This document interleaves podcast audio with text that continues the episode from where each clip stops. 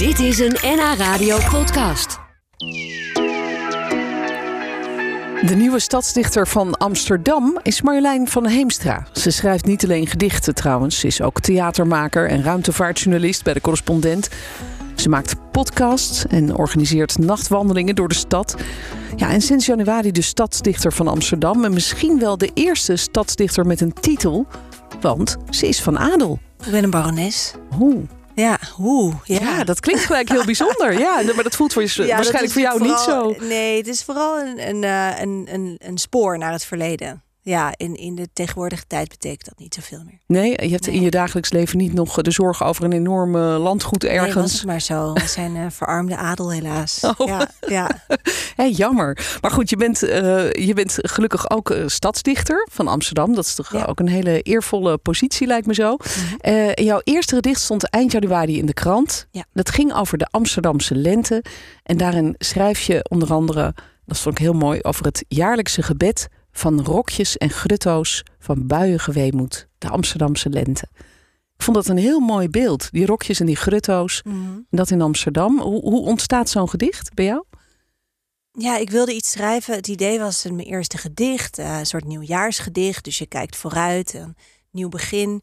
En ehm, ik hou altijd heel erg van om dingen in lagen te schrijven. Dus bij mij, alles wat ik schrijf of maak, niets is ooit één ding, zeg maar. Ik ga altijd voor dingen ingewikkelder maken of groter maken of, of ja, verknoopter dan ze lijken of dan je denkt dat ze zijn.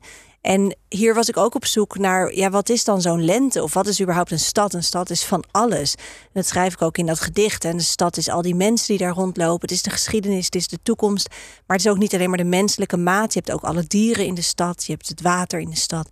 Dus, dus ik probeerde zo al die lagen aan te raken. En zo'n lente is natuurlijk aan de ene kant, ja, die rokjes, dat verwijst natuurlijk naar de beroemde Rokjesdag. En dat is een soort eh, ja, sensueel en, en licht en zo. Maar ik vind ook altijd iets heel weemoedigs hebben, zo'n lente. Ik weet niet waarom, maar vaak ook heel buiig, toch, in Nederland? Dat Zeker, je denkt van, ja. nou, het begint en dan hagelt het ineens weer met Pasen.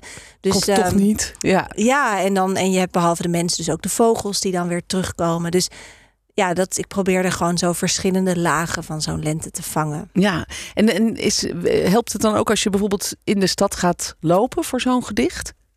Of doe je dit echt vanuit Nou. huis, vanuit je zolderkamer of je, waar je ook Ik schrijft? heb geen zolder, maar ik. eh, ja, dit doe ik wel vanuit waar ik zit. Want ik ken Amsterdam inmiddels gewoon heel goed. Ja, En, en dat, dat zit al wel in mijn hoofd. Ja, want je bent geboren in Amsterdam. ja ik Maar- heb tot mijn negende hier gewoond in de rivierenbuurt.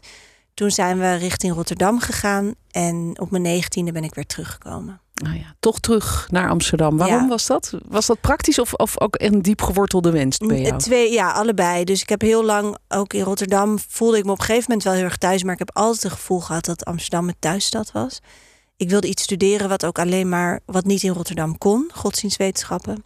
Kan dat niet in Rotterdam? Nee, dat heb je in Rotterdam, zit dat niet. En, eh, en mijn moeder vond ook wel tijd dat ik eh, een beetje ging moven, zeg maar.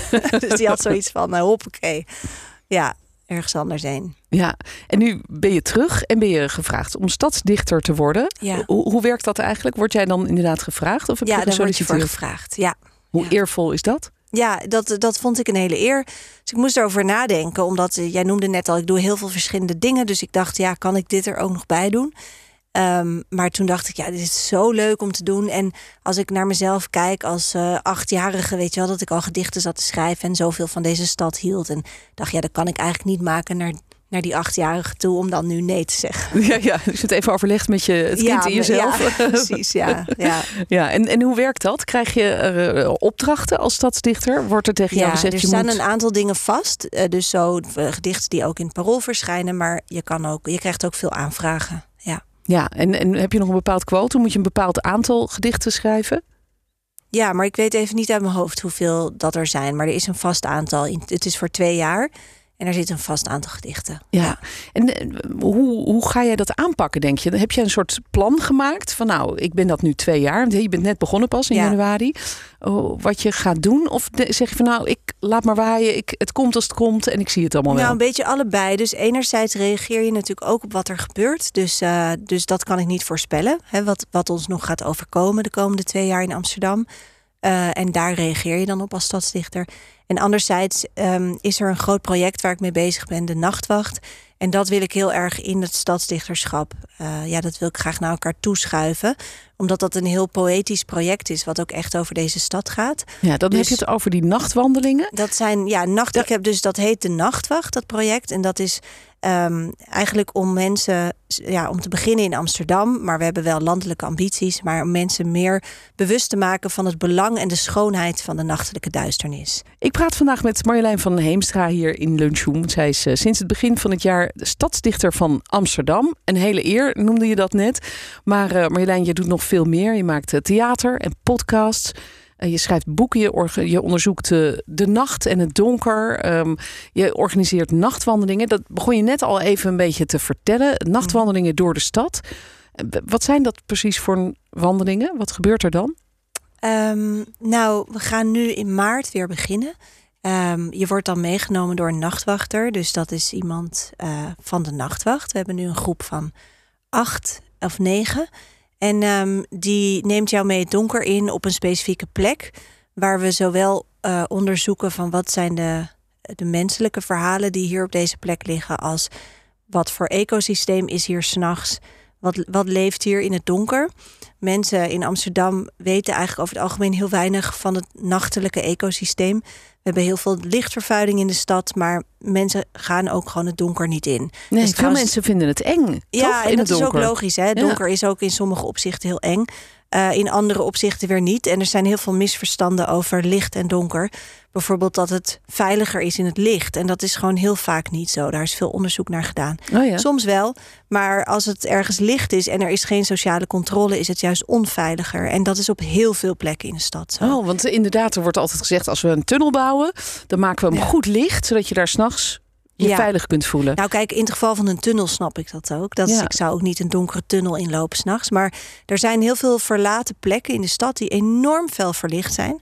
Waardoor dus heel veel insecten bijvoorbeeld sterven daar. Of vogels eh, helemaal in de war raken. S'nachts gaan zingen, uitgeput raken, overdag doodgaan. Dat, dat soort dingen. oh, Ik chargeer nu een beetje, maar Nou ja, dat die klinkt dieren dramatisch, kunnen ja. hier ontzettende last van hebben. Dat is wereldwijd een heel groot probleem.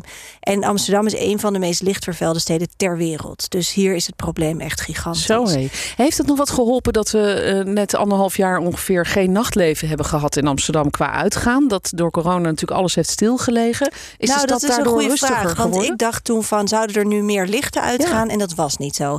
En dat, was me, dat verbaasde me echt. Ik dacht van alles, ook al die kantoren waar dus zo weinig mensen zaten, bleven allemaal verlicht. Ja. En dat zie je hier. We zitten in de buurt, nou een beetje in de buurt van Zuid, waar ik net uitstapte. Eh, dat is echt onvoorstelbaar. Want daar, het is ook geldverspilling, hè? het is energieverspilling. Zeker al die kantoren. eh, en dat is bijvoorbeeld trekvogels hebben ook last van zoveel licht onderweg. Die raken de weg kwijt. Ehm, Dus die wandelingen, gewoon- die, die wil je eigenlijk organiseren, ook om mensen daar een beetje bewust van te maken. ja, is en dat ook van we zien de sterren niet meer. En hoe jammer is dat? Weet je wel, dat we een stad zonder sterren zijn. En als je naar boven keek vroeger, dan kon je nog verwonderen over het heelal. En dat is eigenlijk niet zo. Ja, want Maar er zijn wel plekken hoor, waar het nog donker is. En die plekken zoeken we op. zoals en- waar bijvoorbeeld? Eh, nou, bijvoorbeeld in het Vliegenbos, waar ik In woon, Noord. in Noord. Daar kan je echt in het donker lopen. En dat zijn ook, dat hebben we nu best wel vaak gedaan. En dat zijn echt mooie wandelingen. Want je verdwijnt gewoon helemaal in de duisternis. En we gaan dan met groepjes en dan hebben we een verhaal. Ehm, en ja, we nemen mensen gewoon helemaal mee zo die nacht in. En we Ja. vertellen ook wat de nacht betekent. En ehm, ja. En je zei net dat jij als stadsdichter dat ook een beetje, eh, jouw gedichten voor de stad, daar ook een beetje in wil betrekken, in die nachtwandelingen. Dus hoe, hoe gaat dat dan gebeuren? Nou, ik, ehm, eh, ik wil sowieso wel een paar van die gedichten over de nacht laten gaan in het donker in Amsterdam. Maar ik wil ook tijdens die wandelingen gebruik ik ook poëzie. Dus op een gegeven moment ga je dan ergens zitten met een vuurtje en dan lezen we wat gedichten voor. Mooi. De nacht is ook, Ja. vind ik, een hele goede tijd voor poëzie. En ik vind überhaupt zo door de nacht lopen is ook een soort poëtische daad of zo. Omdat je overgeeft aan iets wat je niet begrijpt, iets wat je niet kent. En je Eh, openstelt Je openstelt. voor allemaal eh, sensaties. ja, en Ja. het zit vol gaten, weet je wel, net als een gedicht. Het is ook, gaat ook over leegte, over iets benoemen wat niet aan de oppervlakte ligt. Dus ik vind zo'n nachtwandeling is bijna een gedicht op zich eigenlijk. Ja.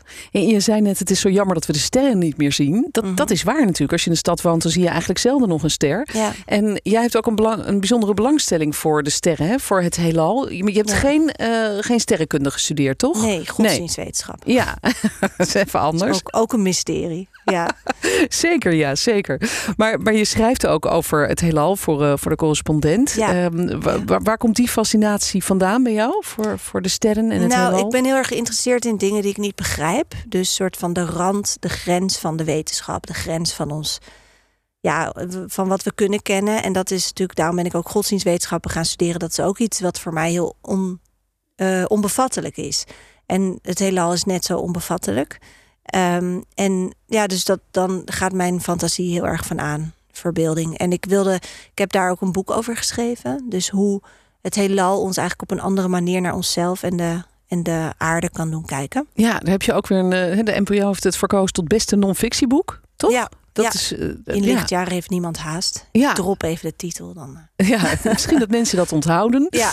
ja. Maar in dat boek begrijp ik, ga je ook een beetje op zoek naar de verbinding eigenlijk. Omdat alles is zo verdeeld. Deze, de, de wereld, de stad. Eh, Ik weet niet hoe dat bij jou in de buurt is. Bijvoorbeeld van het Pekbuurt in De Amsterdam. Noord. Vogelbuurt Vogelbuurt, ja. Ja, nou, wat ik mooi vind aan het samen naar de sterren kijken, is dat het je natuurlijk heel erg verenigt. Omdat je ook beseft, als je naar boven kijkt, hoe ongelooflijk klein we zijn en hoe weinig we voorstellen op deze planeet. En dat we het met z'n allen uiteindelijk moeten doen. En je zit in een hele grote, koude, donkere leegte.